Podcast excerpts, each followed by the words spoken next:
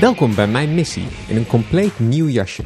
Mijn naam is Patrick Regan en ik praat je bij over de belangrijkste gebeurtenissen binnen de Koninklijke Landmacht. Met vandaag 412 Panzergeniecompagnie bouwt in vijf weken een loopgravenstelsel van 700 meter. Nederlandse militairen trainen Oekraïners in Duitsland. En nieuwe raketartillerie raakt doelen op 300 kilometer. Maar eerst. Na acht jaar komt er een einde aan de aanwezigheid van de Nederlandse troepen in Erbil, Irak. Nederland leverde de force protection rond de luchthaven van de stad. De rode baretten van de Alpha-compagnie van het 13e infanteriebataljon uit Assen waren de laatste. Militairen uit Estland nemen de taken over. Dat gebeurde officieel bij de Transfer of Authority op Camp Bulldog in Erbil, thuisbasis van de rode baretten in Irak. De commandant, kapitein Muizelaar, droeg de taken over aan zijn Estse evenknie. Wij hebben als Nederland een grote bijdrage gehad in, uh, in deze regio door onze missies. Acht jaar lang, 25 missies uh, achter elkaar, hebben we eigenlijk alle aspecten meegekregen. We zijn begonnen met het opleiden van de soldaten, sergeanten en ook bataljonstaf.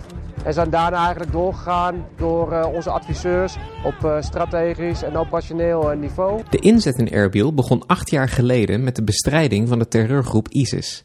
Toen deze nog verslagen moest worden, leidden de Nederlandse instructeurs Iraakse en Koerdische strijdkrachten op. Elk besluit tot deelnemen aan een militaire missie is een moeilijk besluit. Het betekent namelijk dat we Nederlandse militairen vragen om hun eigen leven in de waagschaal te stellen voor vrede en veiligheid. Nadat ISIS geen vuist meer kon maken, haalde Nederland de militaire instructeurs terug. Tegelijkertijd werd begonnen met de beveiliging van het vliegveld Erbil Airbase. Ook stond de compagnie stand-by als Quick Reaction Force. Daarnaast zijn militaire adviseurs in de regio door Nederlandse militairen streng beveiligd. Dat gebeurde tijdens speciale beveiligde ritten, beter bekend als Personal Security Detachments. Met het vertrek van de Nederlandse militairen eindigt de bijdrage aan de missie in de huidige vorm. Ons land blijft deelnemen aan de capaciteitsopbouwmissie NATO Mission Iraq. Er zijn stafofficieren in Bagdad en Kuwait en ook leidt ons land een operationeel adviesteam in Erbil. Zo helpt Defensie de Irakezen bij het verder professionaliseren van de veiligheidssector. In vijf weken tijd een loopgravenstelsel van ruim 700 meter bouwen. Ga er maar aan staan. 412 Panzergeniecompagnie ging de uitdaging aan en met succes.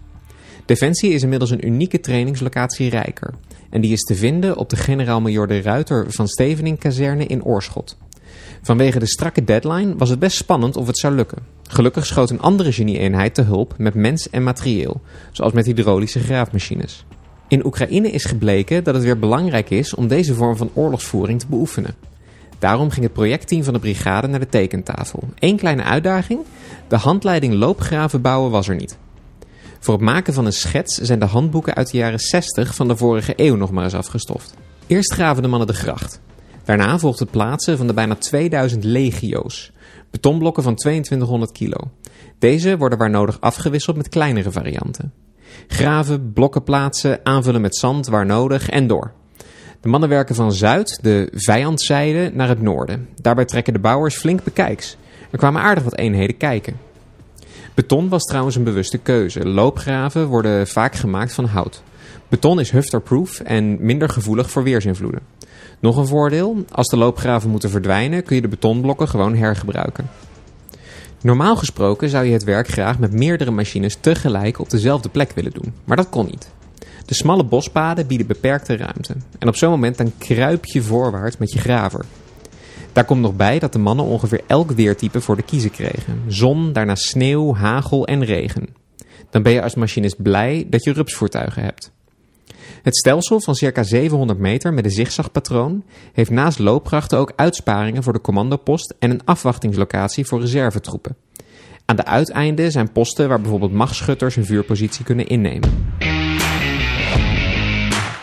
Momenteel trainen meer dan 20 militairen uit Havelte Oekraïense militairen op een geheime locatie in Duitsland. De mannen van 43 gemechaniseerde brigade leren de Oekraïners basisvaardigheden. Denk hierbij aan wapenhandelingen, schieten, verplaatsen en vechten in verstedelijkt gebied. Onze militairen doen dit samen met collega's uit Duitsland en Noorwegen. Later dit jaar wordt het aantal Nederlandse militairen opgeschaald tot circa 200. Dan worden ook Oekraïense commandanten opgeleid om leiding te geven aan grote verbanden zoals een bataljon of brigade. Begin 2024 betrekt de EOD een nieuwe munitietechnische werkplaats in Soesterberg. Het nieuwe gebouw biedt veel meer bescherming aan het personeel. Zo zijn de muren dikker en kan het personeel met op afstand bestuurbare gereedschappen werken. Ook is er gereedschap aanwezig dat werkt op basis van lucht in plaats van elektriciteit. De ruimte is vooral van belang voor het opleiden van nieuwe EOD'ers. Tijdens de jaarlijkse multinationale luchtlandingsoefening Swift Response zijn gelijktijdig duizenden parachutisten gedropt boven Griekenland, Spanje en Estland. Uit de training blijkt dat de coalitie grote aantallen militairen zeer snel en over grote afstand door heel Europa kan inzetten. 128 parachutisten van 11 luchtmobiele brigade namen deel aan de dropping boven Griekenland.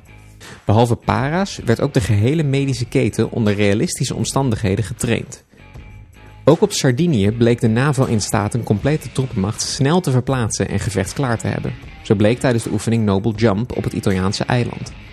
Circa 2200 militairen, zo'n 500 tanks, panzervoertuigen en andere militaire middelen werden binnen enkele dagen naar Sardinië overgebracht. Een enorme logistieke, maar dus geslaagde operatie.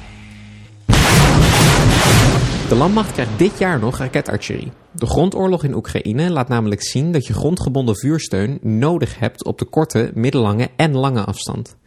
Met raketartillerie is het mogelijk tot op 300 kilometer afstand heel precies doelen op de grond te raken met GPS-geleide raketten. En dit onder alle weersomstandigheden. De landmacht koopt in totaal 20 Puls raketlanceringssystemen. Het systeem heeft een aantal voordelen ten opzichte van andere systemen. Puls kan meer raketten meenemen en de raketten zijn goedkoper dan die van andere systemen. Ze zijn direct leverbaar en in de toekomst geschikt voor munitie van Europese industrie. Ook Denemarken koopt Puls en Duitsland heeft interesse. De eerste vier systemen worden eind dit jaar al geleverd. Hierdoor kan de landmacht begin 2024 al starten met de opleidingen. Vanaf 2025 wordt het systeem op de gepantserde Scania vrachtwagens gemonteerd. Op 10 mei vond rond het kasteel van Breda het militair kampioenschap Speedmarsen plaats. Diverse teams van marine, landmacht, luchtmacht en marechaussee streden om de hoogste eer. Bij de heren ging de prijs naar een team van 17 panzerinfanteriebataljon Fusiliers Prinses Irene uit Oorschot. Bij de dames deed een bijzonder team mee, de Marching Mamas. De deelnemers zijn niet alleen militair, maar ook moeder. De dames willen jonge meiden, maar ook aanstaande vaders inspireren en laten zien dat militair zijn wel degelijk te combineren is met ouderschap en een fit lichaam. Wij willen graag anderen inspireren en het gaat natuurlijk over uh, militairen die dames zijn, maar ook uh, jonge vaders. Of, wat... Kijk, het is natuurlijk best lastig. Je denkt van ik word militair, je bent veel weg. Dat is ook waar je vaak voor kiest, hè? Veel weg, avontuur. En dan ineens heb je ook nog een verantwoordelijkheid thuis die je ook heel leuk vindt.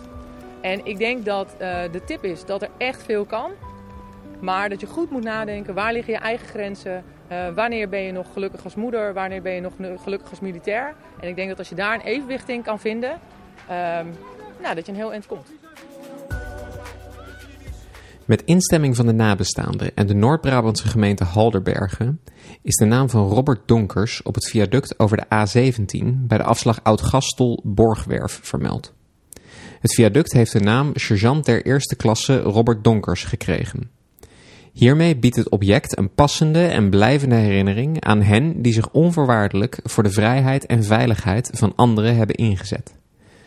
Op initiatief van de Stichting Coördinatie 75 jaar Vrijheid heeft het ministerie van Defensie en het ministerie voor Infrastructuur en Waterstaat samen met Veteranenplatform een plan ontwikkeld om bruggen en viaducten te vernoemen naar de militairen die tijdens hun inzet voor vredesmissies vanaf de VN-missie in Korea zijn omgekomen. In het hele land worden de komende jaren viaducten vernoemd. Ook Robert Donkers, geboren in Oudebos op 25 maart 1974, kwam niet thuis van zijn Oeruzkan-missie. Hij overleed op 6 april 2007 toen hij tijdens een patrouille onder zijn voertuig terechtkwam. Het horizontaal effectwapen, kortweg de HUE, zit al decennia lang bij Defensie in de bewapening.